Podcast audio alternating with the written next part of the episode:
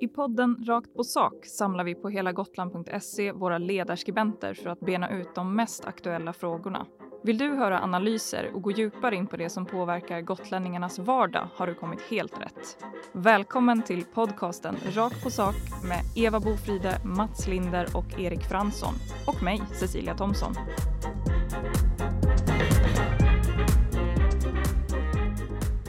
Det är glada miner på fabriken i Slite. I tisdags kom ju domen som förkunnade att Cementa får fortsätta att bryta kalksten utanför Slite i fyra år till. Och eh, med mig i studion har jag Eva Bofride och Mats Linder. Och med oss via telefon för första gången är Erik Fransson som eventuellt bär på någon form av smitta. Ska vi börja med, med dig då, Erik? Var Mark och miljödomstolens beslut väntat? Alltså de här domstolsbesluten är väl, är väl egentligen aldrig väntade på, på det sättet för att det, det, känns, lite, det känns lite lotteri. Eh, och sen är det svårt att läsa in sig också på exakt vad det är för, för, eh, för handlingar som är inlämnade. Så att det, det, det, det, känns väl inte som att det var väntat precis. Men, men det känns ändå som ett, ett eh, litet steg för Cementa att, att kunna ha lite framförhållning på sin verksamhet. Men, kan jag säga då, det är ju inte slut på följetongen, för det här kommer naturligtvis överklagas och sen ska det tröskas genom Mark och miljööverdomstolen.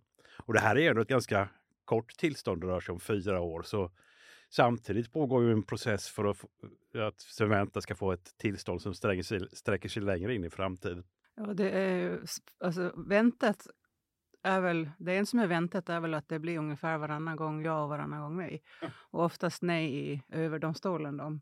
Men eh, det, som sagt, det här är ett kortare tillstånd så det hade varit väldigt drastiskt att stoppa eh, det nu eh, när man har en stor prövning på gång som är mer långsiktig. Det beror sig på om de hinner överklaga det här innan de ska börja och, och behandla den längre ansökan. Det är ju alltid någonting på gång. Vi eh, läser hela tiden om de här två olika sidorna i den här frågan. Dels eh, Cementa själva då, och byggbranschen eh, versus de här miljöorganisationerna som inte är riktigt lika glada förmodligen över det här. Men vad skulle ni säga, vad hade det inneburit för, för branschen om de hade fått nej nu av domstolen? Alltså det, det uppstår ju nu den sista tiden brist på olika varor och vi ser vad som inträffar när det händer. Eh, till exempel blir brist på halvledare. Plötsligt får man kanske vänta ett år på en bil. Och det är inte säkert att man kan hitta liksom på världsmarknaden de här eh, cementen som det svenska näringslivet behöver. Så eh, jag tror det skulle kunna bli ganska illa. Vad säger du Erik? Hade det varit stopp från, från årsskiftet eh, så, så hade det nog blivit tufft för svensk byggbransch. Um, sen har de ju haft ett år på sig och, och, och försöka ställa om lite i alla fall. Men, men som sagt var, det, det är redan, redan inför eh, det, det regeringsbeslut som togs och det riksdagsbeslut där man ändrade lagen tillfälligt för att, för att underlätta för Cementa så, så såg man ju vilken verkan det skulle få ifall, ifall eh, Cementa i Slite var tvungen att, att uh, avbryta sin verksamhet. Det, det, det, det, skulle bli jäkligt tufft för svensk byggbransch. Det här är ju en fråga alltså om, om, cementbry, om kalkbrytningen till cementindustrin plötsligt blir omöjlig så kommer det att hamna på regeringens bord. Uh, precis som det gjorde för, för den tidigare regeringen i det förra då negativa domslutet. Um, och det hade ju blivit väldigt svårt för, för den här regeringen att hantera, precis som det blev förra gången.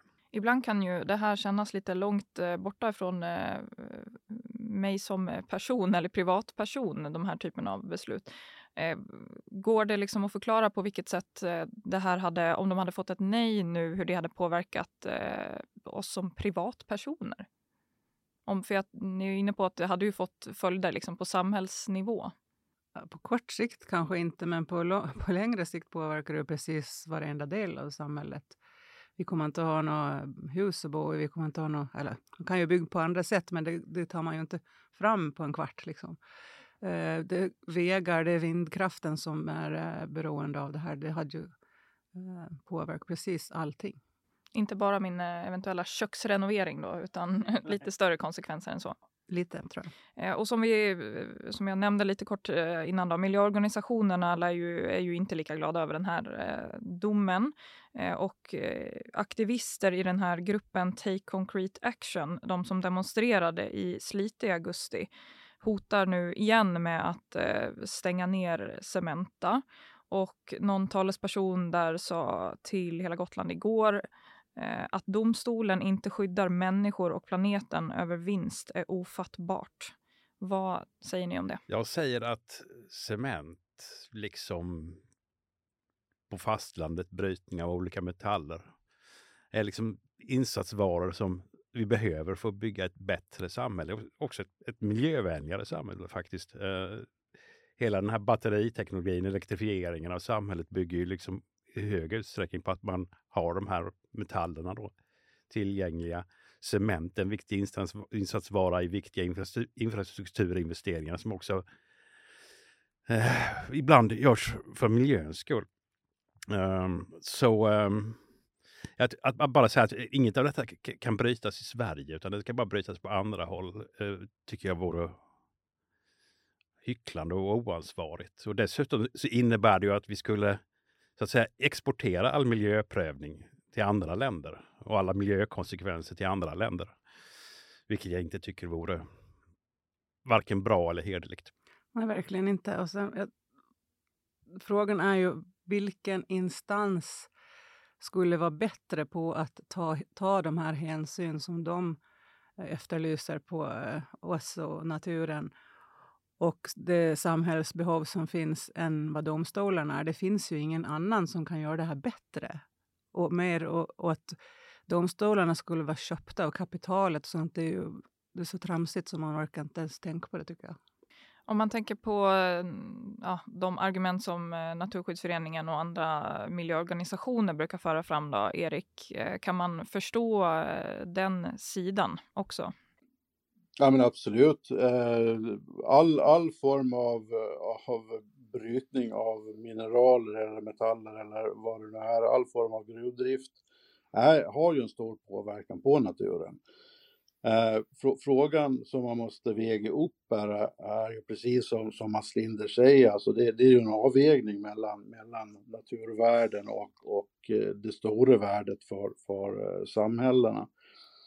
Eh, så, så att visst finns det en förståelse för det de får fram. Och det, det är ju så det ska, ska ske i en domstolsförhandling också. Argumenten ska läggas mot varandra och en domstol ska ta ett beslut utifrån de argumenten som kommer in på, på hur, hur de tolkar lagen. Eh, så att det, det är ju bara, bara bra att, att de här motargumenten finns.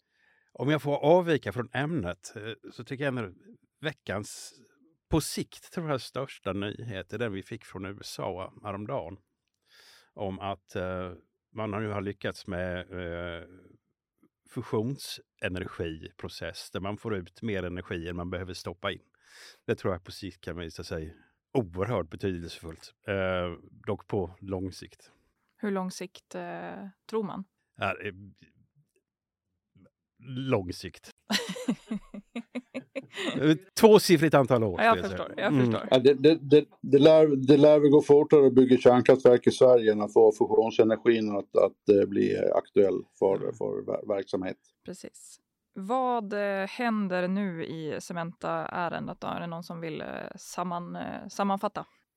Alltså jag skulle väl kunna försöka ge mig på det. Alltså, i, i första hand får vi ju se om, om någon av de här andra organisationerna kommer att överklaga det här, vilket är mycket troligt. Eh, nästa steg är ifall de kommer att begära inhibition, eh, alltså att, att de vill förverka det, det, den rätten som Cementa har, har att, att påbörja verksamheten. Eh, och i så fall måste ju domstolen ta, ta någon form av eh, beslut på det.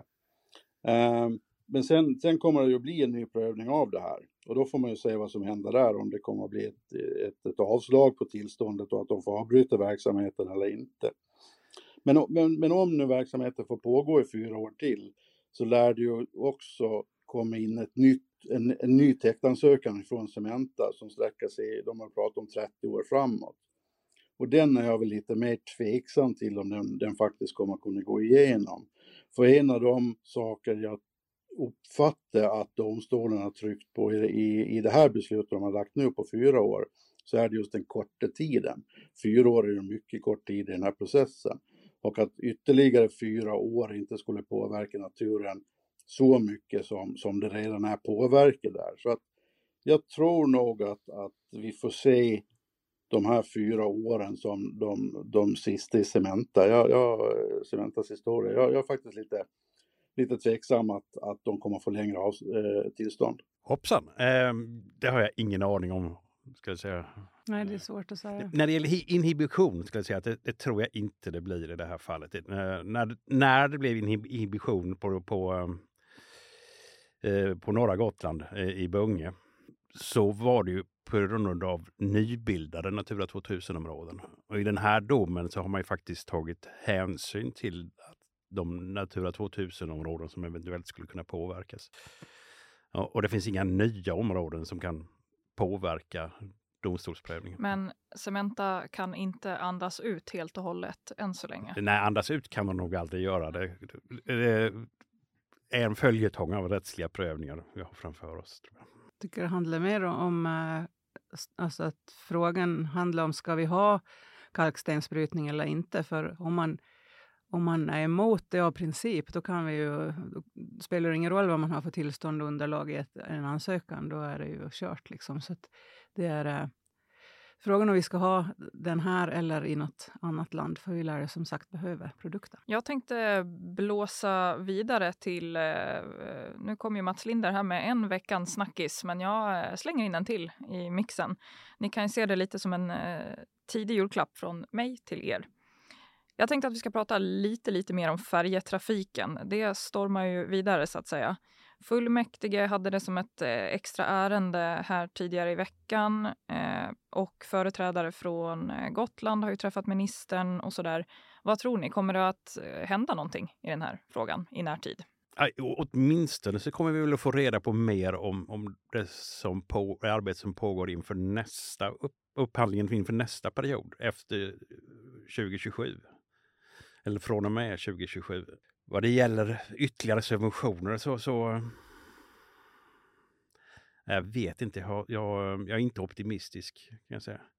Alltså, de gotländska politikernas position i det här är ju, är ju lätt och svår på samma gång.